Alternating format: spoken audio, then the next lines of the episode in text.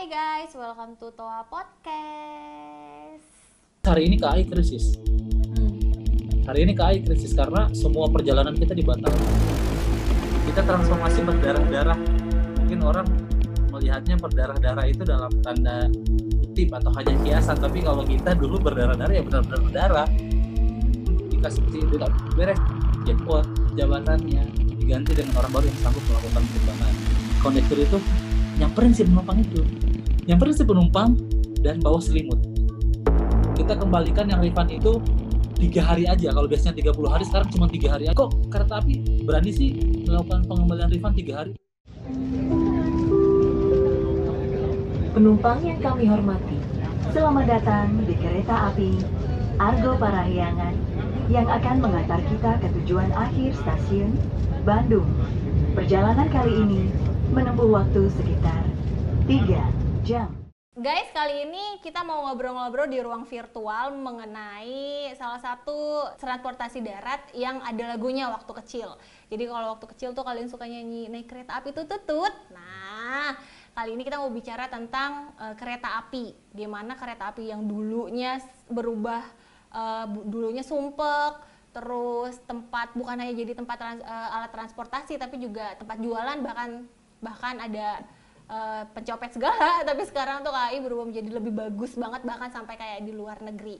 Nah sudah hadir di ruang virtual kali ini adalah uh, Fadil salah satu karyawan di KAI kita langsung aja ke narasumbernya. Halo Desi. Halo teman-teman semuanya. Uh, naik kereta api tutut ke Bandung Surabaya bolehlah naik dengan percuma. Nggak boleh ya sekarang harus bayar bayar ya. Uh, bayar. Halo teman-teman semuanya. Perkenalkan gue Fadil.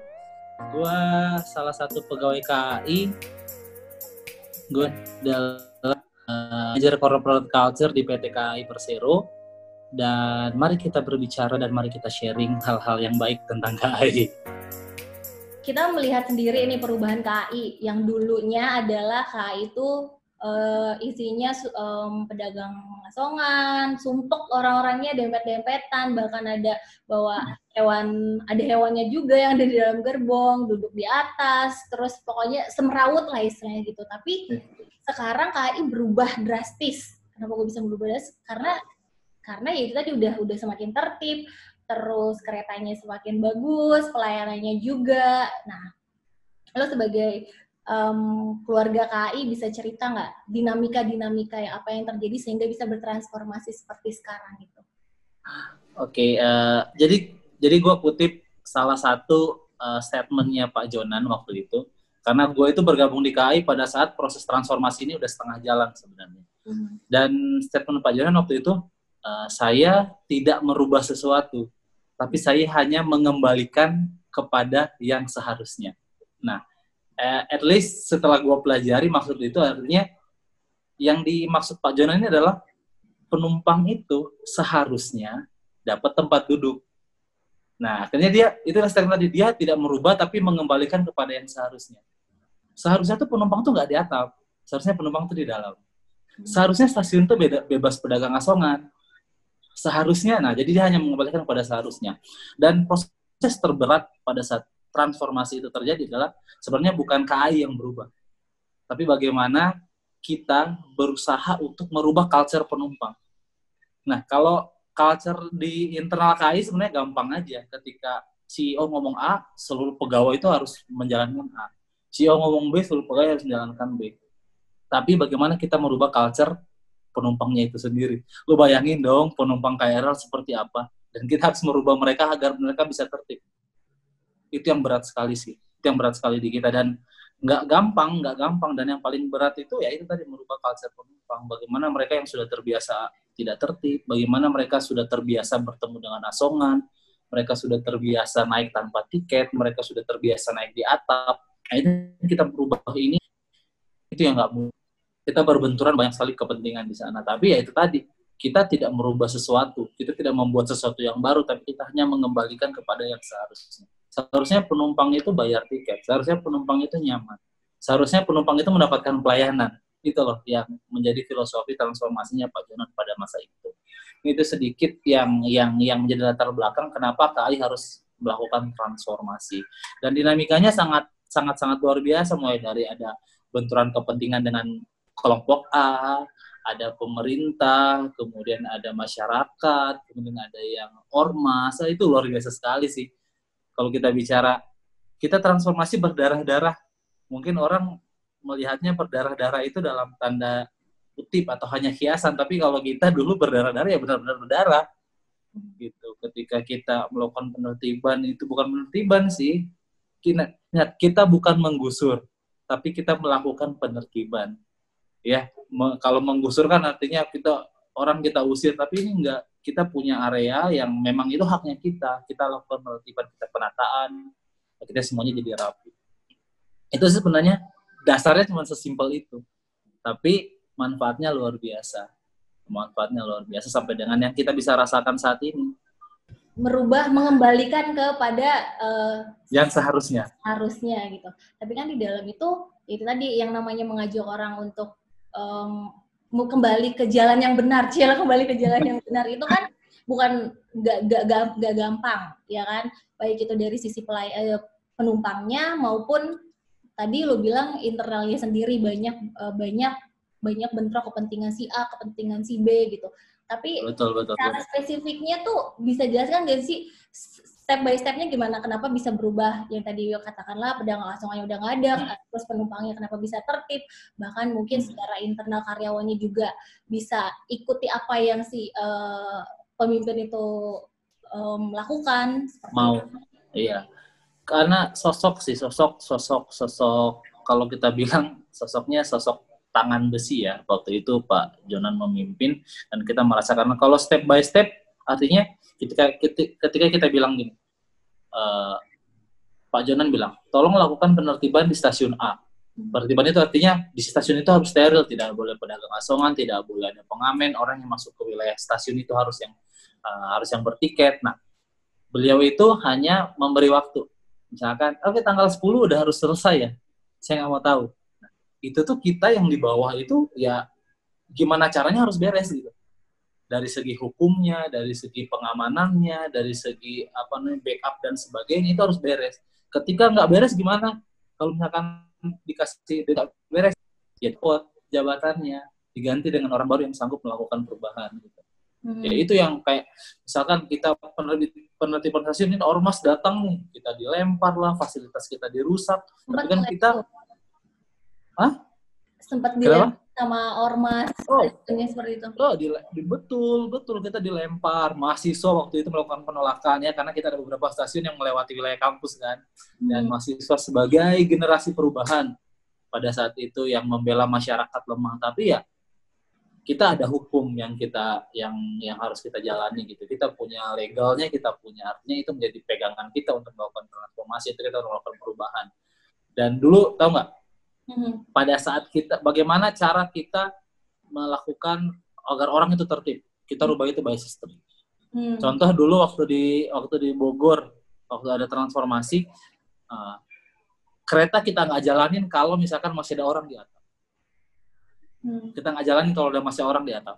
Artinya ya terserah waktu itu ada penolakan ada kereta kita dirusak kita dilemparin tapi ya kita nggak jalanin keretanya. Yang rugi siapa orang-orang yang akan menggunakan jasa itu.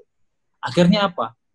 Penumpang ini yang kan penumpang ini ada ada ada dua jenis ini ada yang tidak tertib ada yang tertib. Hmm. Nah penumpang yang tertib ini yang akhirnya membela KAI. Hmm. Karena kita bilang kita nggak akan jalan ini keretanya kalau masih di atas. Akhirnya penumpang yang tertib ini mereka yang suruh orang yang tidak tertib ini untuk menjadi tertib. itu yang itu yang luar biasa sih. Ternyata mereka juga pengen merasakan hal yang nyaman gitu, merubah merubah merubah culture orang yang tidak tertib ini tidak hanya dilakukan oleh KAI tapi dilakukan oleh orang-orang yang memang awalnya sudah tertib. Itu yang kita lakukan akhirnya perlahan orang mulai turun dari atap. Kita mulai jalankan satu-satu.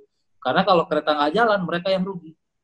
Mereka harus bekerja, mereka harus uh, apa namanya harus mencari nafkah di ibu kota. Gitu. Terus dulu juga pernah, per, lo tau nggak, lo ingat nggak uh, dulu itu ada yang kalau naik di atap itu kita menyiapkan semprotan cat di atas atap. Kalau lo kalau kalau tahu lo pernah ingat ada kita nyiapin cat itu di atas atap. Jadi ketika orang naik di atas atap nih kita semprot cat jadi baju mereka kotor Hmm. baju mereka kotor kena tinta dan sebagainya tapi penumpang ini yang nakal selalu aja banyak ide mereka naik ke atap tapi pakai jas hujan gitu. ngalamin loh itu mereka pakai jas hujan di atas atap. Pakai- terus ada lagi kita buat bandul batu. Jadi di di atap itu kan di KRL itu ada kita gantung bandul batu. Jadi bandul itu kalau misalkan kena itu orang bisa jatuh. Orang yang di atap itu. Tapi ternyata mereka naik ke atap pakai helm. Pakai helm. Pakai helm lah. Lu lu kalau anak KRL pasti tahu banget lah kalau anak KRL pasti tahu banget itu luar biasa. Terus kita taruh di atap kita taruh paku papan terus ada paku-paku gitu. Jadi mereka nggak bisa naik situ. Jadi mereka bawa papan. Bawa papan gitu mereka taruh buat buat mereka duduk di atas atap. Wah luar biasa sekali sih. Oke. gitu sih. Jadi ya itu tadi kita melakukan perubahan itu pertama dari kesiapan kita internal dulu. Berdasarkan komando direksi pada saat itu kalau kita berubah ABCD oke semua internal kita komitmen harus berubah. Ketika ada yang tidak menyesuaikan ya tadi dicopot atau dipindahkan atau dialih tugaskan ketika semua di internal kita sudah komitmen baru kita berubah kita mulai untuk melakukan perubahan budaya customer di situ sih titik baliknya Oke. Jadi tadi gue kutip yang lo bilang mengikuti uh, atasan, komando Ah. atasan. Itu seperti yang gue pelajari waktu kuliah Ciela. jadi jadi dulu tuh waktu gue belajar komunikasi organisasi ada Iya, iya. Em, jadi untuk mencapai kinerja yang maksimal, maka perusahaan harus mampu menciptakan kondisi yang dapat mendorong dan memungkinkan karyawan untuk mengembangkan dan meningkatkan kemampuan serta keterampilannya yang dimiliki secara optimal. Nah, salah satu faktor yang mempengaruhinya itu adalah kepemimpinan. Gitu. Iya, iya, iya. Jadi, em, pas banget ya ternyata itu memang dilakukan di terbukti dilakukan di KAI gitu kan. Kenapa? Terbukti dilakukan di KAI dan beberapa perusahaan lain sih nggak cuma KAI. Jadi leaders itu leading by example. Dia kita harus punya role model sih untuk perubahan gitu. itu kan pada saat em, transformasi itu dimulai dari pada eh, pada saat kepemimpinannya Pak Jonan gitu. Eh, sudah ada leadership dimulai dari Pak Jonan. Nah selanjutnya Hmm. setelah setelah em, Pak Jonan ini sudah tidak menjabat lagi, gue pengen tahu gimana sih leadership yang yang sekarang di KAI apakah masih tetap sama lebih baik lagi atau seperti apa? Ya, yang pasti lebih baik lagi sih. Jadi gini, eh, dua kepemimpinan ini gue cerita yang Pak Jonan eh, eh, fokus terhadap transformasi kita. Kita harus meningkatkan pelayanan ABCD sampai dengan Z, Pak Jonan. Di transformasi jilid 2 kita itu di bawah kepemimpinan Pak Edi Sukmoro, itu kita eh, tetap meningkatkan pelayanan dan juga meningkatkan kesejahteraan pegawai. Wah Hmm. ini luar biasa sih kalau kita lihat. eh, Sekarang pegawai langsung tersenyum ya lo. Iya benar-benar benar kesejahteraan pegawai sih. Jadi Pak Edi ini eh, luar biasa banyak sekali bisnis baru yang yang muncul dari Pak Edi karena posisi setelah peninggalan Pak Jonan ini kan KAI udah dibilang sudah mulai stabil, sudah mulai stabil. Kita sudah sangat invest banyak sekali untuk melakukan transformasi, untuk meningkatkan pelayanan. Nah, ini sudah sudah mulai stabil nih. Nah, ketika sudah stabil ini masuklah Pak Edi. Pak Edi ini akan melanjutkan estafet transformasi ini. Makanya dia mulai pertama banyak sekali kereta-kereta tambahan, banyak sekali inovasi-inovasi di bidang teknologi kita, di bidang pelayanan kita banyak sekali. Kemudian inovasi dari uh, dari segi pelayanan terhadap masyarakat, kemudian peningkatan pendapatan kita. Ini ya itu tadi fokusnya beda. Fokusnya beda. Kalau tadi Pak Jonan transformasi, kalau ini lebih ke peningkatan bisnis kita. Dan itu berhasil gitu dua dua periode yang sudah kita lalui periode Pajaran periode Pak Edi Sumorin KAI melakukan hal yang luar biasa sih. Jadi itu sih perbedaannya dan sosok kepemimpinan Pak Edi memang kita akui bahwa beliau itu punya andil besar atas kesejahteraan pegawai KAI saat ini. Gitu. Um, Dan banyak sekali sih inovasi-inovasinya dia. Oke, okay. berarti dari Pak Jonan ke Pak Edi um, dengan tadi yang fokusnya masing-masing artinya kan ada kaderisasi. Ya, ada kaderisasi betul betul betul betul. Nah, berarti selain di, di antara dirutnya kaderisasi itu dilakukan juga nggak sih ke bawahan-bawahannya juga direksi, oh, iya. seperti apa? Betul betul betul. Di di zamannya Pak Edi di Pak Edi itu memimpin kan baru ganti kemarin ya, baru ganti kemarin di tanggal hari Jumat kemarin itu kita baru ganti CEO baru kan. Di kepemimpinannya dia kurang lebih dia jadi CEO itu enam tahun. Nah, enam tahun ini perubahannya apa? Perubahannya dari segi kepegawaian aja. KAI ini udah bergeser ke arah millennials. Uh, sampai dengan akhir beliau menjabat, generasi millennials di KAI itu udah mencapai 67 persen, artinya udah sangat besar. Dan juga selain itu beberapa pos pos strategis di KAI kita sudah punya beberapa kalau kita nyebutnya CDD ya Corporate Deputy Director itu adalah BOD minus one itu udah ada, ada generasi milenialnya. Kalau di level VP iya BOD minus one itu ada generasi milenial. Terus BOD minus dua udah banyak. BOD minus tiga wah lebih banyak lagi gitu. Artinya sudah mempercayakan kepada anak-anak muda kepada generasi milenial untuk bisa melanjutkan estafet ini karena di industri 4.0 ini Pak Edi yakin dan kita semua yakin kita percaya bahwa andil generasi milenial ini adalah yang menentukan masa depan sebuah perusahaan, masa depan KAI, masa depan bangsa ini gitu. Akhirnya ya itu tadi udah banyak diisi oleh titik pos-pos milenial di beberapa fungsi-fungsi strategis. Ke, uh, di teman-teman bisnis banyak sekali milenialnya. Di teman-teman customer care juga banyak sekali milenialnya artinya yang udah bersentuhan langsung dengan customer itu banyak sekali. Generasi milenial. Dan itu penting itu penting. Gitu okay. loh guys. Oke. Okay. um, ini udah masuk ke dalam SDM karena udah menyi udah menyinggung tentang milenial gitu. Dari data yang gue dapat dari data yang gue dapat jadi um, let's say katakan milenial milenial itu mostly memang um, background pendidikannya memang setara misalnya sarjana seperti itu. Iya nggak sih? Artinya hmm. sudah hmm. persen di KAI memang minimal pendidikannya itu adalah sarjana. Tapi aku gue mau flashback dulu pada pada pada zaman 2009 ya. 2009 itu gue punya data um, kalau kurang dari 100 orang uh, karyawan KAI yang pendidikannya sarjana 10.000 karyawan KAI lulusannya sekolah dasar dan 7.000 lainnya adalah sekolah menengah pertama. Itu di 2009, hmm. 2009 pada saat Pak Jonan ya. Uh, di dua dan gue baca data per tanggal 30 September 2019 jumlah pegawai milenial KAI sebanyak 17.000 Hmm. ribu atau sekitar 60,11 persen dari jumlah total pegawainya 24.400 sekian gitu. Nah, kembali ke yang pada zaman 2009. 2009 ini serat uh, yang sarjana itu sedikit. Cuman kan gimana sih bisa memaintainnya? Memaintain bukan jadi bukan hanya uh, background pendidikan itu menjadi suatu uh, apa ya yang yang istilahnya menjanjikan uh, proses bisnisnya atau keberhasilan di perusahaan gitu. Bagaimana sih memaintain um, karyawan dengan latar belakang pendidikan itu supaya semuanya perform? Oke. Okay. jadi gini. udah milenial ya. Iya, jadi gini. Uh, milenial ini kan kita lihat dari range usianya ya.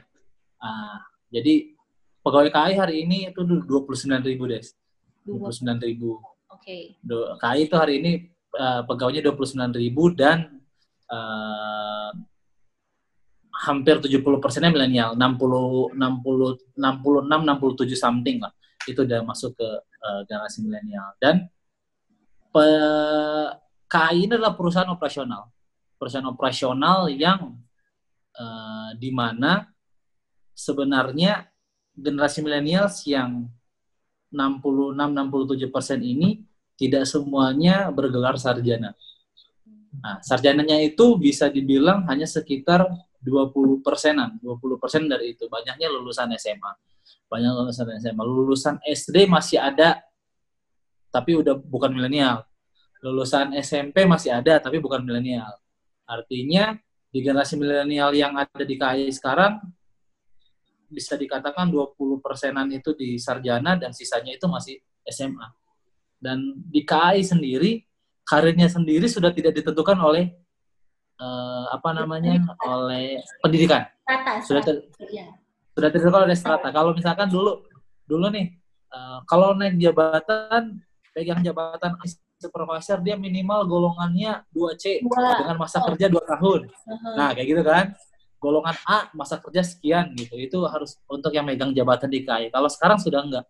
Kalau jabat kalau pendidikan nih masuk SMA masuk SMA itu kan golongannya 2A ya kalau nggak salah. Kalau S1 kalau D3 dia 2C kalau nggak salah. Kalau yang S1 itu di 3A kalau nggak salah. Itu sudah tidak menjadi dasar untuk lu pegang jabatan. Itu jadi dasar lu pegang. Dulu iya, dulu iya. Kalau sekarang ketika lu masuk sarjana, ya lu golongan 3A.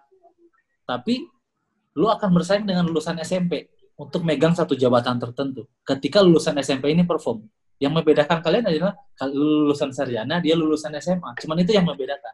Tapi untuk peluang karir itu nggak ada yang membedakan. Jadi ketika lu perform, lu kontribusi, lu punya banyak inovasi dan lu berani untuk execute sebuah program dan lu berhasil, lu bisa pegang jabatan. Bahkan bisa si SMA ini bisa melangkahi si S1 ini. Hmm. Gitu sekarang di KAI kita by by by kompetensi. Jadi nggak nggak nggak berdasarkan berdasarkan golongan. Udah nggak berdasarkan. Dulu ya dulu ya pas pertama gua masuk masih seperti itu. Sekarang udah enggak okay. gitu sih. Jadi jadi jangan berkecil hati ketika ada yang masuk lewat SMA ternyata dia jadi SMA dia masuk di KAI ya silahkan aja gitu. Gue seperti contoh contoh uh, eh, VP gue saat ini dulu dia cerita ke gue dia waktu diangkat sama Pak Jonan waktu megang jabatan jadi senior manager humas jab, uh, golongan pangkatnya belum pas. Secara aturan nggak boleh tapi kata Pak Jonan saya nggak butuh pangkat saya nggak butuh golongan saya butuh orang itu untuk kerja di situ karena dia punya kompetensi dan berhasil aturannya dirubah gitu aja kok sesimpel itu gitu sekarang di KAI jadi nggak usah khawatir ketika S1 ada S1 ada S2. Apakah S2 yang harus naik jabatan duluan? Enggak juga. Yang S1 bisa melangkahi. Yang udah kerja 10 tahun, apakah dia yang harus pegang jabatan? Enggak juga. Ada yang kerja 2 tahun, 3 tahun, dia sudah pegang posisi yang strategis. Ukurannya apa yang untuk mengukur performa dari tiap karyawan itu? Ternyata sudah siap. Silakan Pak, langsung dijawab. baik KPI sih, baik KPI, baik KPI. Hmm. Baik KPI ketika lo bisa menargetkan nih, kayak hari ini oke tahun depan gue punya target gue bikin A B C D E ketika lu yang mengukur sendiri KPI yang akan lu capai ketika lu menargetkan tinggi ya otomatis KPI lu akan tinggi ketika lu menargetkan rendah bisa aja kan lu ditargetkan target lu hanya 100 tapi enggak gue mau challenge diri gue gue mau target gue 150 itu bisa bisa aja gitu. dan itu akan akan balik lagi kepada reward buat diri lu sendiri gitu memang sudah ada sistem yang mengatur. Jadi udah betul, udah nggak ada senioritas senioritasan lah. Oke. Okay. Selain itu, ya setiap performance itu juga ya tadi ada ukuran KPI segala macam. Kalau untuk reward and punishmentnya seperti apa gitu? Kadang kan orang juga pengen, ah gue berbuat berbuat seperti ini, gue dapat apa? Kalau kesa terus be begitupun sebaliknya dengan orang yang melakukan uh, kesalahan, apakah ada punishmentnya seperti ada, ada, ada. Ada punishmentnya macam-macam sih. Punishmentnya macam-macam kita diatur dalam karena kita di karena kita kan ada undang-undang yang harus kita patuhi ya.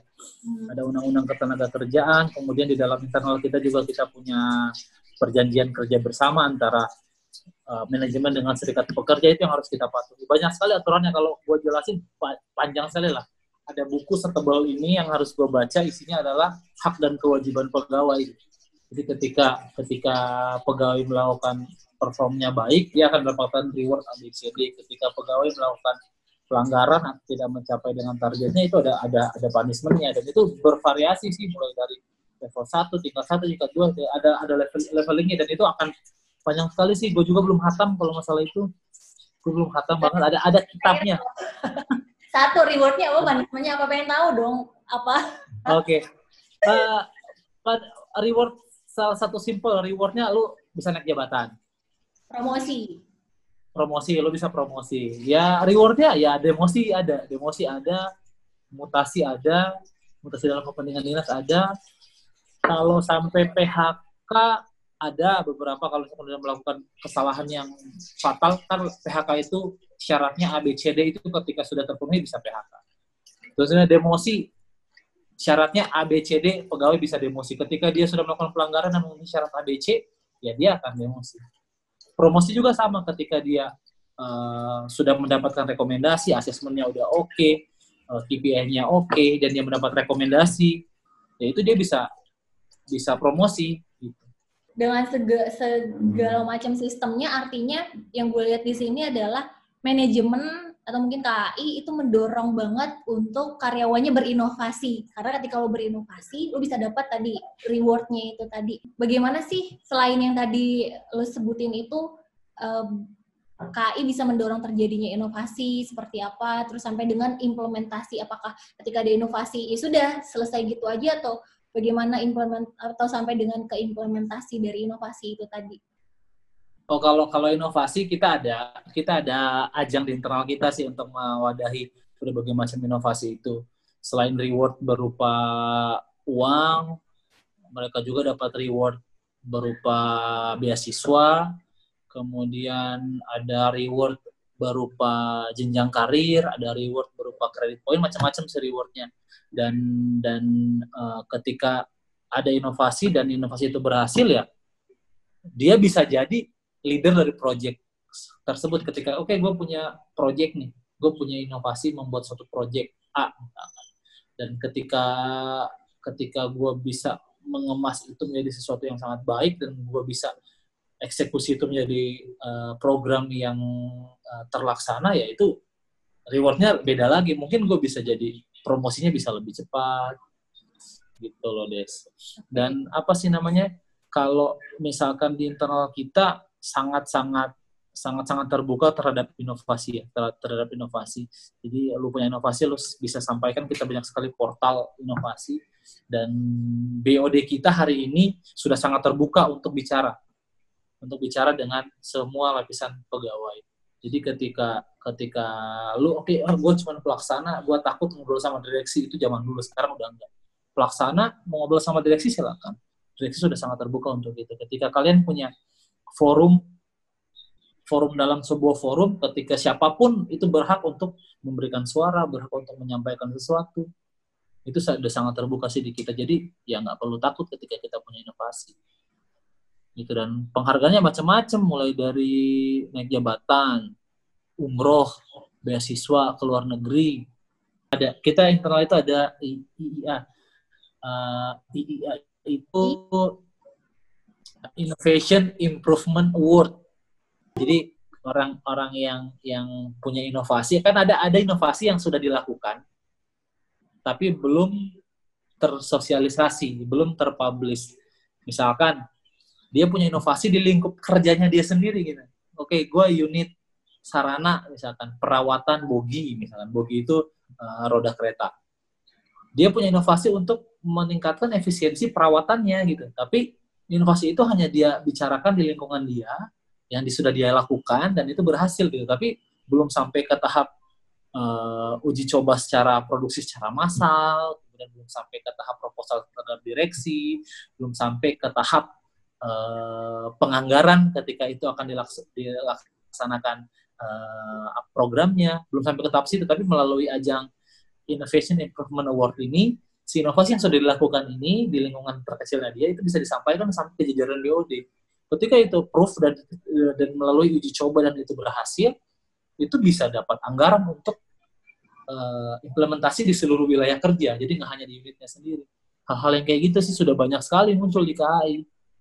Perawatan sinyal misalkan. Ternyata di Bandung ini ada mereka ada inovasi nih. Gimana sih biar sinyal ini lebih efektif ternyata. Mereka melakukan inovasi A, B, C, D ternyata itu udah berhasil di, di areanya dia. Kan ini harus harus ada uji coba agar inovasinya ini bisa digunakan di seluruh area kerja KAI kan di Jawa dan juga Sumatera. Nah ini masuk melalui ajang itu. Ketika ajang itu udah berhasil akhirnya uh, proof oke okay, BOD setuju ternyata di situ uh, ada unsur inovasi ada unsur efisiensi akhirnya bisa diterapkan di seluruh area kerja. Reward buat yang bersangkutan itu uh, ajang itu rutin setiap bulan? Setiap tahun rutin. Setiap tahun tuh memang ada. Sistemnya itu gimana? Apakah kita memang harus mengajukan atau sekedar kita bikin tim sendiri terus langsung seperti apa sistem untuk um, bisa individual bisa kelompok mengajukannya bisa atas nama unit. Hmm. bisa macam-macam sih. Apa aja lah. Apa aja lu apa lu punya apa silakan sampaikan gitu Okay. Ada juga yang ada juga yang masih berupa konsep kan kalau masih berupa konsep ini yang yang agak susah kita apa ya kita eksekusi ya. Hmm. Karena kalau berupa konsep kan belum terjadi. Belum terjadi karena kalau konsep semua orang pasti punya konsep tapi belum tentu bisa dieksekusi. Nah, betul. Seperti apa tuh tadi punya konsep tapi belum pasti dieksekusi. Ketika yang dieksekusi itu kriterianya seperti apa dan um, prosesnya tuh bisa seper, seperti apa? Karena kalau yang gue lihat adalah kayaknya ketika lo mau mem, membuat inovasi katakanlah um, aplikasi misalnya pasti kan lo harus ada sosialisasi di internalnya dulu sebelum lo launching keluar gitu. Sebe um, prosesnya tuh sistemnya tuh seperti apa? Hingga jadi di launching keluar kayak, itu kayak aplik kalau aplikasi ya karena dulu gue sempet di e-commerce ya gue waktu itu part of developmentnya uh, aplikasi kayak akses. Jadi sebelum kita melakukan inovasi ya kita melakukan riset dulu. Apa sih yang bisa dikembangkan? Kebutuhan apa yang sekarang dibutuhkan oleh pelanggan di dalam sebuah aplikasi? Kita melakukan riset. Kita, ketika kita melakukan riset, kita melakukan uh, sudah dapat nih hasil-hasilnya, riset hasil risetnya kita bicara dengan teman-teman dari IT development karena mereka yang akan membuat si aplikasi itu. Kalau kita kan ibaratnya gini, uh, gue bukan orang IT tapi gue punya konsep nih. Gue bukan IT yang yang makan eksekusi konsep ini kan teman-teman dari IT teman-teman dari programmer. Nah dari tahap riset ke tahap diskusi dengan teman-teman IT kita cek security-nya kita cek segala macam kemungkinannya A sampai Z kita pertimbangkan kita uji coba secara uh, beta. Kalau kita nyebutnya aplikasi beta aplikasi beta itu aplikasi yang belum launching kan tapi sudah jadi aplikasinya. Itu kita bisa bikin sendiri dulu. Nanti kalau misalkan itu sudah terjadi kita coba di internal kita dulu. Kalau misalkan sudah sesuai baru kita launching versi uh, publishnya. Seperti itu sih mekanismenya. Hmm, kalau dari manajemen bentuk supportnya seperti apa tuh uh, deal terhadap setiap karyawan yang melakukan inovasi supportnya ya diberikan diberikan ruang yang sebesar besarnya untuk melakukan inovasi yang mungkin bertanggung jawab tetap dengan apa yang melakukan inovasi. Tapi asal jangan coba-coba yang beresiko gitu. Karena kan ada orang mau inovasi tapi akhirnya coba-coba tanpa perhitungan yang matang akhirnya beresiko uh, justru tidak efisien beresiko mengalami kerugian beresiko ABCD lah banyak sekali yang perlu kita pertimbangkan. Makanya di situ ketika kita punya inovasi kita harus sudah bisa harus bisa uh, mempertanggungjawabkan inovasi itu sendiri. Jadi jangan sampai nanti malah merugikan gitu. Tapi kalau misalkan dari manajemen support ya sangat support gitu. Kita sangat membuka. Kita punya selain ajang yang kita laksanakan tahunan kita juga punya portal khusus ketika orang akan apply inovasi tanpa menunggu ajang itu ada. Di e-office-nya kita orang bisa apply apa aja sih apply apa aja. Kemudian kita juga sudah banyak sekali membuat komunitas-komunitas untuk orang bisa saling sinergi, saling kolaborasi di lingkungan internal kita untuk buat create something yang memberikan nilai tambah yang lebih buat perusahaan. Jadi uh, sistemnya sendiri itu seperti apa sehingga mereka tuh bisa secara bebas uh, melakukan inovasi, Bill? Sebenarnya nggak bukan secara bebas ya, tapi lebih bertanggung jawab aja sih Kayak hmm. misalkan di unitnya ketika dia punya inovasi nih, gue pelaksana nih, pelaksana kerja nih. Gue mau bikin, gue mau bikin misalkan sayur asem nih, gue mau bikin sayur asem, inovasi sayur asem dengan menggunakan uh, apa namanya uh, jagung impor dari Belgia misalnya. Nah itu kan ketika gue akan melakukan inovasi itu, gue akan koordinasi dulu dengan kepala kokinya, artinya atasan langsung gue loh, atau kepala dapurnya. Nah, gue kan Pak, ini gimana kalau kita buat ini, buat ini, buat ini? Nanti akan ditanya alasannya apa, kenapa harus melakukan ini, kenapa tidak memiliki bahan A, kenapa harus impor dari Belgia, nggak ambil dari Kuwait misalkan si jagungnya. Nah itu kan banyak sekali pertimbangan harus dibahas internal. Ketika kita sudah bisa meyakinkan dengan uji coba, dengan mitigasi risiko yang matang, ya so atasan approve, atasan oke, okay, sampaikan ke jenjang yang lebih tinggi lagi, ya kemudian oke, okay, ya bisa kita eksekusi dalam bentuk massal. Gitu. Jadi ya nggak nggak semena-mena ketika gue dapat gue punya inovasi gue langsung eksekusi nggak bisa.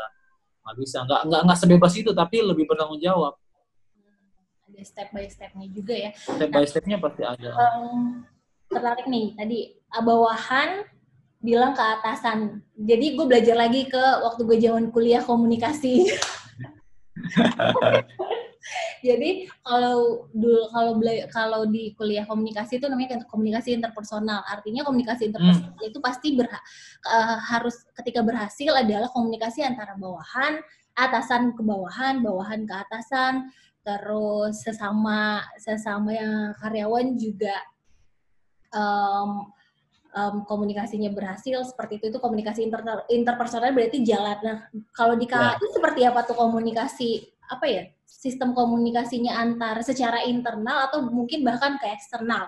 Secara internalnya dari atasannya ke bawahan seperti apa sehingga bawahannya punya respon terhadap apa yang dikasih tahu dari atasannya itu tadi. Sebenarnya by system kita sudah ada bentuk komunikasi yang perlu kita yang sudah sudah baku kita lakukan di internal kita ya ketika level apa menyampaikan apa kepada siapa who? Who say what? Oh, ini ada komunikasi ya? Oh iya. Oh iya unpar. Eh unpar ya? Oh iya bekas radio apa gue. Jadi ya itu sebenarnya sebenarnya sebenarnya itu itu basically banget sih teoritis banget dan itu normatif banget masalah komunikasi. Yang penting bagaimana orang bisa menyampaikan sesuatu itu beralasan. Dan komunikasi itu kan tujuannya untuk melakukan persuasif kan persuasif me memberikan pesan kepada siapa yang akan disampaikan pesannya. Artinya secara internal itu sudah sudah sebagai budaya ya. Budaya komunikasi itu sudah sangat sangat kental. Bagaimana kita bicara level antara level jabatan kita bicaranya seperti apa. Itu sudah sangat sangat basic sih. Jadi mengenai metode ada orang ini. Ada orang pinter banyak. Orang pinter banyak tapi orang yang bisa menyampaikan ide itu nggak banyak. Gitu loh. Ini yang, yang ini yang perlu kita pahami bersama. Artinya artinya apa? Setiap orang berkesempatan untuk menyampaikan ide. Setiap orang berkesempatan untuk menyampaikan cuma caranya seperti apa? Uh, uh, tadi dalam proses komunikasi kan kita perlu di, di, dipengaruhi oleh lingkungan ya. Dipengaruhi oleh lingkungan. Dan lingkungannya seperti apa yang mendukung. Nggak semua atasan nggak semua atasan bisa approve atau kesempatan bisa approve atau bisa terima ketika kita menyampaikan sesuatu. Tapi ada juga yang bisa terima. Itu kan sangat-sangat sangat-sangat apa namanya sangat-sangat variatif dan apa ya istilahnya ya? Hmm, nggak hmm, bisa kita jadi nggak bisa kita jadikan patokan. Intinya uh, secara budaya sudah ada pattern-patternnya untuk berkomunikasi cara kita memanggil direksi kita kayak misalkan di KAI KAI itu kita uh, kita menyebutnya dengan panggilan nomenklatur. Kita menyebut nomenklatur. Kalau di, di, di root kita panggilnya DU. Kalau direktur niaga kita panggilnya direktur niaga itu uh, komersialnya. Kita manggilnya dengan istilah D1. Pak D1. Nah, ini nomenklatur simbol-simbol komunikasi yang ada di internal KAI. Banyak sekali sih. Banyak sekali. Hmm.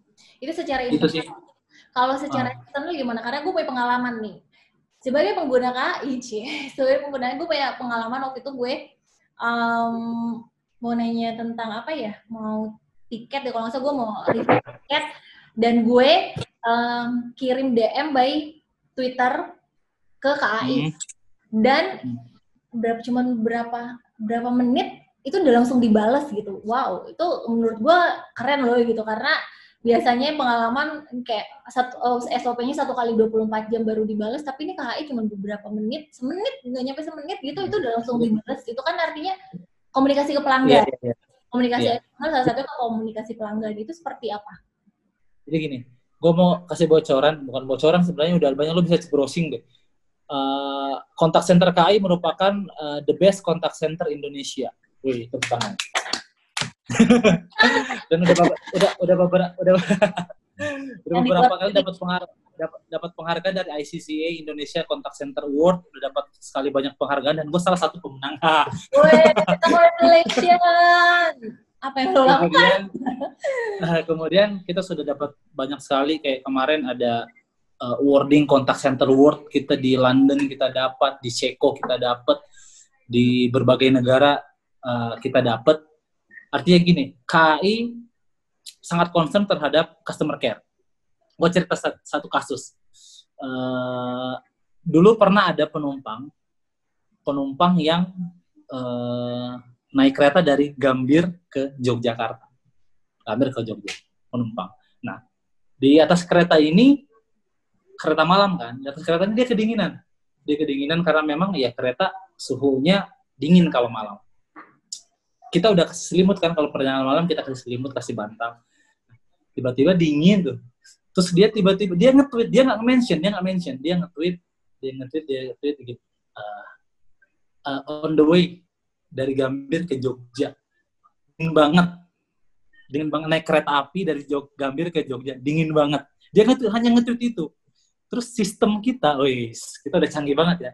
Sistem. Kita nyari keyword-keyword yang berkaitan dengan kereta api. Hmm. Ketangkap lah si tweet itu. Ketangkap si tweet itu masuk ke yang namanya kita ada uh, customer relation di kontak center 121 kita, di sosial media kita, ketangkap dan kemudian di DM langsung si orang itu. Uh, dari naik kereta api apa dari mana nomor keretanya apa kode bookingnya apa. Dijawablah sama si penumpang itu. Jawab akhirnya nyampe ke kontak center. Kontak center menyampaikan ini ke pusdalian. Kita ada pusdalian pusdalian itu pusat pengendalian pelayanan jadi pelayanan di seluruh Indonesia kita ada pusdalnya pusat pengendaliannya nah, dari kontak center menyampaikan ke pusdalian pusdalian kopi oke okay, uh, penumpang atas nama A, nomor identitas A, uh, kode booking A, kemudian nomor tempat duduk A, tujuan dari mana ke mana. Datanya udah lengkap dong, udah dapat. Nah, akhirnya si pusdalian ini menghubungi kondektur yang bertugas di kereta itu. Menghubungi kondektur yang bertugas di kereta. Nah, akhirnya perlu kondektur, oke siap pusdalian terkopi penumpang atas nama A, datanya ABCDB kedinginan. Penumpang uh, kondektur itu nyamperin si penumpang itu pertama si penumpang dan bawa selimut. Uh, mohon maaf Pak, selamat malam. Dari informasi yang kami dapat bahwa Bapak mungkin merasa dingin dengan kondisi AC saat ini. Ini kami berikan selimut tambahan. Apabila Bapak membutuhkan bantuan tambahan, Bapak bisa menghubungi kontak person. Lalalala, selesai. Bayangkan dia cuma nge-tweet doang dong. Kita sudah ngatur secara sistem untuk dia dilayani dengan maksimal. Itu yang dilakukan itu salah satu contoh kasusnya. Kenapa sih KAI harus melakukan itu kepada pelanggannya? Apa ya istilahnya? Karena ya, pelanggan itu pelanggan adalah raja, enggak Enggak, bukan bukan gua gua enggak terlalu suka pelanggan melakukan itu dan bagaimana caranya di uh, KAI untuk apa ya istilahnya ya? Memanjakan, memberikan pelayanan kepada pelanggan. Kenapa dan bagaimana? Kalau gua ya, ini pandangan gua ya, pandangan gua. Uh, KAI itu sekarang bukan perusahaan sosial. Kita adalah persero, kita bisnis. Uh, pelanggan adalah yang utama karena yang gaji kita adalah pelanggan. Semua perusahaan jasa pasti akan melakukan apa pun demi pelanggannya tetap stay, tetap stay ke kita. Artinya ya kita melakukan berbagai macam inovasi untuk memberikan pelayanan untuk itu agar pelanggan itu merasa nyaman, merasa dekat dan kita buka saluran sebesar-besarnya untuk pelanggan lebih dekat dengan kita uh, melalui berbagai macam media, bisa lewat sosial media, lewat email, lewat phone, bahkan ya itu tadi kalian bisa ngobrol dengan kita lewat sosial media. Dan kita punya kalau nggak salah ya gue belum pernah sih dinas di teman-teman sosial media. Kalau nggak salah tuh ada SOP-nya nih ketika orang DM tuh waktu berapa lama harus segera dibalas terus penyelesaian masalah itu tenggang waktunya berapa lama itu udah ada aturan-aturannya segala macam. Kita kita kita sangat concern ke arah sana. Karena kalau kita bicara jasa ya ketika pelanggan komplain ya selesai gitu. Apakah ada uh, pelanggan yang komplain yang tadi lo sempat singgung? Ketika ada kasus atau case uh, pelanggan yang komplain, bagaimana KAI menghandle-nya dari pelanggan itu supaya yang tadinya kecewa mungkin jadi tidak kecewa? Seperti apa? Jadi gini, uh, ini trik sih. Sebenarnya kalau SOP, SOP-nya sudah ada. SOP-nya sudah ada. Kayak ketika ada pelanggan komplain A, kita harus harus bersikap A, B, C kalau kita menghubungi unit A, unit B, unit C terkait waktunya sekian lama, akhirnya kita harus respon lagi ke pelanggan. Itu sebenarnya SOP yang semua perusahaan punya. Itu tadi, berita buruk bisa jadi baik kalau penyampaiannya baik. Misalkan, Pak, eh, ada ada ada ada eh, kesalahan teknis yang akhirnya keretanya nggak jalan, nggak batal, eh, batal gitu. Ketika penumpang yang pengen berangkat banget dia akan marah-marah dong. Kenapa dibatalin? Gue ada masalah darurat gitu ke sana ya. Tapi kan kita bisa bisa menjelaskan bahwa pembatalan perjalanan ini demi keselamatan semua gitu. Demi keselamatan semua kita nggak sepihak. Kita mana mau kita rugi gitu. Kalau pembatalan kalau kereta batal kan kereta api rugi. Mana ada perusahaan yang mau rugi. Disampaikan dengan cara yang baik. Itu sih kuncinya di situ sih. Jadi jangan jangan kalau teman-teman yang udah pernah di dunia customer care ya seperti itu. Coba lah lakukan family treatment. Semua pelanggan itu adalah keluarga lu. Ketika keluarga lu butuh bantuan, lu harus bantu semaksimal mungkin yang lu bisa gitu sesuai dengan kapasitas lu. Itu terhadap pelanggan. Sekarang gue mau uh, nanya tentang um, setiap perusahaan tuh pasti akan mengalami yang namanya krisis. Salah satunya pelanggan juga bisa jadi krisis dong gitu. Krisis bisa menyebabkan branding perusahaan, nama baik dan reputasi segala macam bisa terjadi lah efeknya kepada perusahaan. Um, lagi-lagi masuknya ke komunikasi eksternal. Gimana sih di KAI sendiri bisa um, men, apa ya um, memberikan menyelesaikan krisis itu sehingga tidak terlalu berdampak yang uh, secara efeknya secara uh, dalam waktu yang panjang. Yang pasti sih mitigasi resiko ya udah paling benar ya karena setiap keputusan itu udah pasti beresiko. Nggak ada keputusan yang nggak ada resiko. Sebenarnya kita lihat resiko yang paling kecil yang mana. Kayak misalkan krisis hari ini KAI krisis. Hmm. Hari ini KAI krisis karena semua perjalanan kita dibatalkan. Uh, angkutan lebaran itu adalah hari rayanya KAI. KAI mendapatkan miliaran, ratusan miliar dari angkutan lebaran. Besar sekali pendapatannya. Tapi hari ini nggak dijalankan. Bayangkan, Bayangkan kita kerugian besar sekali. Operasional kita, pegawai kita, kita harus membiayai eh, uh, 29 ribu pegawai dari hasil penjualan tiket. Tapi itu tidak terjadi. Karena semua perjalanan kita dibatalkan. KAI sedang krisis. Uh, yang paling penting di sini adalah bagaimana orang pimpinan bisa mengambil berbagai macam keputusan. Karena nggak mungkin kita bisa uh, mengambil keputusan tanpa resiko. Semua keputusan dan resiko seperti yang gue sampaikan di awal tadi dan pimpinan-pimpinan kami punya strategi-strategi yang baik sih. Sampai dengan hari ini KAI bisa bisa bisa survive walaupun kita nggak menjalankan kereta api sejak April. Bayangkan sejak April pendapatan kita turun hampir 95 persen. Bayangkan Des, 95 persen Des. Saya bayangkan dulu. tapi tapi ini bukan bukan Iya. Tinggi juga ya. Tinggi banget, bukan tinggi juga. Oke, okay, terus. Bukan tinggi, bukan tinggi juga, tinggi banget lah. Tinggi banget lah. Ratusan miliar kita hilang. Ratusan miliar kita hilang. Sementara kita punya kredit yang harus kita bayar. Pembangunan LRT kita yang sangat besar, investasi kita di berbagai macam pembangunan infrastruktur. Catatan buat teman-teman yang uh, kebetulan nonton atau dengar ini, pembangunan infrastruktur itu bukan biaya yang murah. Pembangunan LRT Jabodebek, pembangunan LRT Palembang, reaktivasi beberapa jalur mati, uh, pengembangan uh, jalur ganda, itu nggak murah. Uh, pembangunan kereta bandara Soekarno-Hatta itu nggak murah, nggak murah, nggak murah sekali. Kalian bisa cari datanya di internet. Kereta api punya beban untuk menutup itu semua. Di sisi lain, kereta api harus tetap survive dengan adanya virus corona ini. Nah, setiap kebijakan yang diambil sama manajemen ini sudah mempertimbangkan itu semua sih gue nggak bisa bicara terlalu banyak di ranah ini karena itu udah sangat sangat sangat strategis. Artinya apa? Uh, setiap keputusan yang kami ambil pasti ada risiko.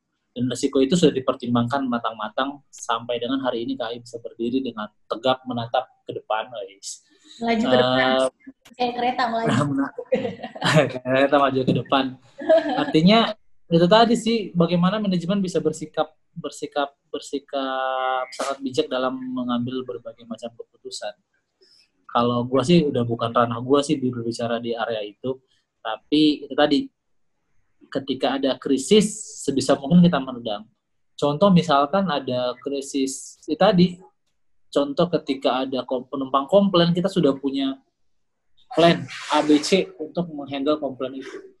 Karena KAI 94 tahun atau tahun ini kalau nggak salah tahun ini 95 itu permasalahan itu udah ada. Kita sudah punya permasalahan yang akan terjadi dari A sampai Z kita sudah punya. Hmm. kita sudah punya.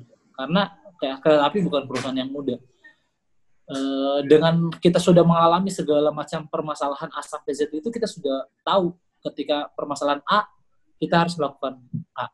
Ketika permasalahan B kita harus melakukan B. Ketika permasalahan Z kita sudah harus tahu melakukan sampai dengan hari ini itu sih yang kita lakukan. Kecuali memang ada permasalahan yang baru yang belum pernah kita lakukan. Enggak juga. Semuanya kayaknya sudah krisis keuangan kita sudah pernah melaksanakan waktu dulu. Dengar-dengar sih waktu zamannya transformasi eh zamannya reformasi ya 98 kita pada sempat krisis keuangan juga kan Indonesia. 2008 kalau 2008 2009 juga sempat krisis ekonomi Indonesia tapi KAI bisa survive. Artinya apa? Kita sudah punya mitigasi atas segala macam resiko yang akan terjadi. Jadi gue agak agak highlight semua krisis yang terjadi di KAI itu semuanya sudah pernah sudah pernah dimitigasi artinya tidak ada krisis baru yang kita nggak tahu ini harus ngapain seperti itu iya betul betul Suka betul ada artinya semua yang hmm? Jadi enggak lanjut lanjut. Oh, jadi gue mau nanya apakah ada role playnya juga nggak sih? Udah tahu mitigasi gitu. Karena kalau di dunia PR kan jadi gue pernah pernah baca contoh salah satu um, apa uh, maskapai sama transportasi juga. Um, dia bisa dia melakukan instansi itu melakukan maskapai itu melakukan role play. Jadi seolah-olah dia udah tahu nih ini yang bakal terjadi di uh, dunia pertransportasian udara. Mereka melakukan role play dengan cara misalnya katakanlah pesawat gagal landing terus terbakar, terus mereka tuh apa yang harus dilakukan uh, untuk uh, jika terjadi hal tersebut gitu dan bahkan mereka sampai mengundang wartawan untuk melihat artinya mereka melakukan role play in case terjadi mereka udah tahu apa yang harus dilakukan seperti ada seperti itu juga nggak sih KAI? Ada ada kalau kita ada kalau terkait dengan keselamatan keamanan kita ada. Misalkan terjadi longsor kita harus ngapain? Terjadi lokomotif mogok tiba-tiba di jalan di tengah hutan kita harus ngapain? Itu sudah ada semua. Cuman kalau bentuknya role play hanya beberapa sih hanya beberapa nggak semuanya kita lakukan role play kayak misalkan proses evakuasi kita bisa melakukan role play Uh, tapi yang lain pun sudah sudah sudah ada rencananya kita. Misalkan uh, apa namanya uh, gimana kalau misalkan keretanya mogok di atas jembatan. Proses evakuasinya harus seperti apa itu sudah ada. Sudah ada. Bagaimana kalau lokomotifnya mogok di tengah hutan? Jauh dari akses itu sudah ada. Bagaimana kalau kita kena longsor? Itu sudah ada. Bagaimana kalau misalkan sinyalnya mati? Kita sudah ada. Bagaimana kalau misalkan si uh, masinisnya buta. Buta artinya bukan buta mata ya, artinya buta artinya sinyalnya hilang, komunikasinya putus, gangguan cuaca dan lain-lain, akhirnya si masinis tidak bisa berkomunikasi dengan pusat pengendalian operasinya kita. Itu sudah ada mekanismenya, kita harus ngapain, harus ngapain. Sudah ada semua, udah lengkap. Cuma kalau bentuk role play memang kayaknya gue belum pernah lihat sih, gue belum pernah lihat ada role play seperti itu. Tapi kita udah siap untuk segala macam resiko yang akan terjadi terkait dengan operasional kita. Mm-hmm. Mm-hmm.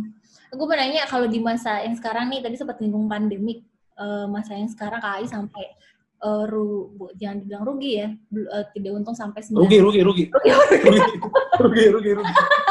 Gak enak loh. Um, bisa sampai rugi 95 persen, tapi gue sangat mengapresiasi ketika um, pada saat pemerintah ini menghimbau untuk PSBB dan laranganmu tapi kayak itu begitu cepat banget responnya oke okay, yang sudah punya tiket bisa langsung refund by KAI by KAI akses gitu itu tuh uh, cepat banget bisa langsung ada tindakan seperti itu gitu katakanlah pemerintah iya, iya. sekarang bilang ah juga udah langsung um, melakukan hal itu padahal di masa pandemi seperti ini kenapa tuh bisa karena kita karena kita sudah pernah melakukan gitu. Uh. Ini sudah pernah kayak misalkan pengembalian uang kemarin tau nggak lu pernah lihat nggak gua posting di Eh, Instagram gue ada sebuah sit, ada sebuah portal berita yang menyebutkan bahwa refund tiket itu tidak 100%. Lu pernah lihat nggak sih ada ada highlight gitu? Dan ternyata yang dibahas itu adalah tiket maskapai bukan tiket kereta api. Kalau tiket kereta api untuk kita sudah punya aturan untuk eh, kasus-kasus uh, tertentu kita sudah bisa refund 100%. 100%. Uh, misalkan ada uh, pembatalan perjalanan kereta api itu kita sudah punya aturan bahwa penumpang bisa refund 100% tanpa ada corona pun gitu. Misalkan dulu ada demo di Jakarta, akhirnya kereta nggak jalan. Misalnya. penumpang yang akhirnya tidak jadi berangkat kita refund 100% karena memang itu bukan kemauannya dia untuk mengembalikan. Beda kalau misalkan tidak ada apa-apa, tidak dalam kondisi normal penumpang ingin membatalkan tiket. Itu bisa dilakukan lewat KAI akses tapi dia kena uh, charge 25%. Hanya 25%, artinya 75%-nya kembali. Itu prosesnya 30 hari sampai dengan 45 hari itu akan kembali. Tapi kalau misalkan pembatalan itu dikarenakan pihak KAI yang membatalkan, itu refund 100%. Refund 100%. 30 sampai 45 hari. Nah, hari ini kita melakukan inovasi lagi karena memang ngapain kita simpan uang customer lama-lama? Hmm. Sekarang inovasi kita adalah karena pandemi ini kita kembalikan yang refund itu sorry kita kembalikan yang refund itu tiga hari aja. Kalau biasanya 30 hari sekarang cuma tiga hari aja des. Hmm. tiga hari aja. Kok kereta api berani sih melakukan pengembalian refund tiga hari? Loh kita sudah kebaca kok mekanismenya duitnya juga kita ada. Kan orang bayar tiket ke kita duitnya ke kita kita simpan kan? Ngapain kita simpan lama-lama? Kita balikin aja uangnya.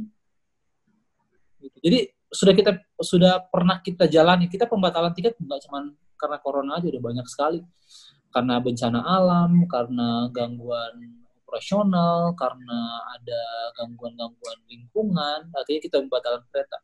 Dan kita refund 100% kalau memang itu terjadi. Ketika lagi masa pandemik ini pasti kan juga uh, manajemen tuh gimana sih komunikasi kepada karyawannya gitu? Ya dari yang rugi 95% apakah katakan let's say mungkin ada pengurangan uh, pendapatan atau segala macam atau mungkin hal hal-hal lainnya gimana sih komunikasi atasan ke uh, bawahannya? Jadi intinya gini, ketika ada pandemi gini, uh, leaders itu atau pucuk perusahaan itu harus berbicara, harus berbicara. Karena jangan sampai nanti gara-gara komunikasinya tidak ada dari manajemen ke pegawai, akhirnya muncul berita-berita yang simpang siur. Saat ini manajemen KAI melakukan hal yang tepat, gitu. membangun komunikasi dengan pegawai, gitu. tentang apa-apa yang terjadi. Dan kita juga sudah, bisa kita juga sudah menyam, uh, uh, waktu itu direktur keuangan kita juga menyampaikan uh, ketika pandemi ini sampai dengan bulan Juni, kondisi keuangan kita ABCD, kita akan ini, kita akan ABCD. Ketika pandemi ini sampai dengan bulan September, kita akan melakukan ABCD. Ketika pandemi ini sampai dengan Desember, kita akan melakukan ABCD. Itu sudah dihitung. Dan itu disampaikan kepada karyawan secara harus disampaikan, disampaikan, disampaikan, disampaikan karena jangan sampai itu tadi, jangan sampai muncul prasangka gue kaget loh ketika lo bilang itu sampai disampaikan secara transparan untuk keuangan dan ada kondisi keuangan ya, bukan disampaikan nominalnya ya tapi ya. disampaikan uh, oke okay, ketika ini kita akan aman sampai dengan segini tidak akan tidak akan ada pemotongan gaji nah itu disampaikan gitu jadi bukan disampaikan oke okay, kas kita ada sekian rupiah enggak enggak enggak seperti itu disampaikan yang normatif normatif aja lah secara umum detailnya mah cukup cukup level-level tertentu yang tahu Next kali ada kejutan apa nih? Bocorin dong. Oke. Okay. muncul kereta lagi. Oke. Okay, uh, eh, di sini aja ya, cuma ada di sini loh bocornya. uh, jadi untuk mendukung pemerintah sebenarnya kita sekarang pertama kita ada program besar yang pertama itu ya tadi refund tiket kereta api yang sudah beli itu kita cuma tiga hari aja langsung kita refund 100 persen. 100 persen waktu tiga hari lewat aplikasi kayak akses yang beli di luar kaya akses bisa nggak pakai kaya akses? Bisa. Jadi kalian cukup uh, misalkan beli di mana di Traveloka misalkan yang sekarang lagi ramai Traveloka beli Traveloka kan ada kode booking tuh kan. Hmm. Nah kode booking itu kalian masukkan di akun kaya akses kalian. Syaratnya adalah akun kaya akses kalian datanya nama dan nomor identitasnya harus sama dengan yang kalian beli di luar. Ya itu yang pertama. 100% hanya dalam waktu tiga hari udah refund. Jualan. Tiga hari bro. Promo. Tiga hari Tiga hari ya? Promo tiga hari. Makanya download KAI Akses dan yang sudah punya KAI Akses silakan di upgrade ke versi terbaru. Oh, oke. Okay. Terus? Nah, itu yang pertama. Yang kedua adalah um, kalau kalian yang nggak sempat mudik, kalian bisa menggunakan Rail Express untuk pengiriman paket kalian. Itu luar biasa sekali sih, murah sekali. Contohnya, gue kemarin ngirim ya dari Bandung ke Surabaya enam enam dus gede, dusnya itu tahu dus Indomie, Mhm. dus Jadi Indomie enam biji. mie instan. Ah, nanti lu Belum belum nanti lu disponsori. ya, dus dus dus mie instan. Indomie please dong, masa nggak disponsori ini bagus loh programnya. Please Indomie. enam enam dus ya desa enam dus enam dus dari Bandung ke Surabaya cuma empat puluh ribu Wow. cuma empat puluh ribu itu murah banget sih Cepet ya. murah banget cepet sehari sampai loh karena jadwal kereta Hmm. Kereta berangkat malam ini besok udah sampai. Itu kalau kalau kirimnya pakai kereta. kayak akses juga. Kalau enggak Kak, kalau itu belum bisa pakai kayak akses harus datang ke counternya sama kayak lu pakai Iya. jasa-jasa pengiriman yang lain lah. Merek. Ya kan nanti kalau JNE mau sponsor lu bisa pakai JNE di sini. Ya kalau JNE mau sponsor. Iya iya iya. Oh, t- harus datang ya berarti ya. datang ke counter kalian drop barangnya situ nanti tinggal dikirim ke tempat tujuan itu murah sekali sih murah sekali. Dan bisa kirim motor bisa kirim sepeda bisa kirim bahan makanan. Dan sekarang kita terbaru kalau kemarin kita pada saat awal-awal pandemi kita kirim sembako. Hmm. kita sudah kirim sembako dari kota-kota yang melakukan PSBB itu kan akses agak susah masuknya tuh. Nah itu bisa kirim sembako lewat kereta api. Kita sudah kirim telur sayur bahan pangan kita udah kirim semua. Dan sekarang yang terbaru kita mau siap kirim Apa? lebaran kita udah mau kirim-kirim parcel lebaran parcel lebaran Hmm. parcel lebaran lewat Rail Express itu sudah akan kita ah, kalian sudah bisa kirim paket-paket lah Barang dijamin pokoknya oke. ya dijamin lebih murah dibanding semua eh, ekspedisi Sip. Yang ketiga ada lagi nggak?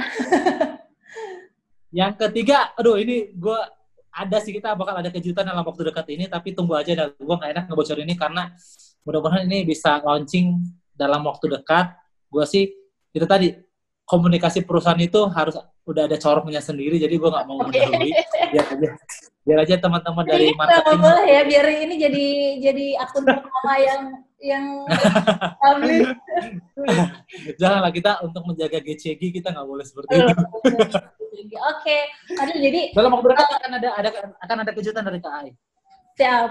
Thank you banget, Dil. Ceritanya luar biasa. Gimana kita bisa tahu transformasi transformasi eh, KAI dari dulu sekarang sebenarnya intinya adalah em, pemimpin-pemimpinnya itu memang harus menjadi tadi ya role model, turun ke lapangan, terus komunikasinya juga harus harus jalan dari atasan ke bawahan gitu. Terus em, apalagi dan semuanya itu sudah sudah ada yang setiap setiap performance dari kerjaan itu sebenarnya sudah ada sistem yang mengaturnya sehingga orang berja, berjalan jadinya. Bekerja memang based on sistem yang menentunya itu tadi gitu ya.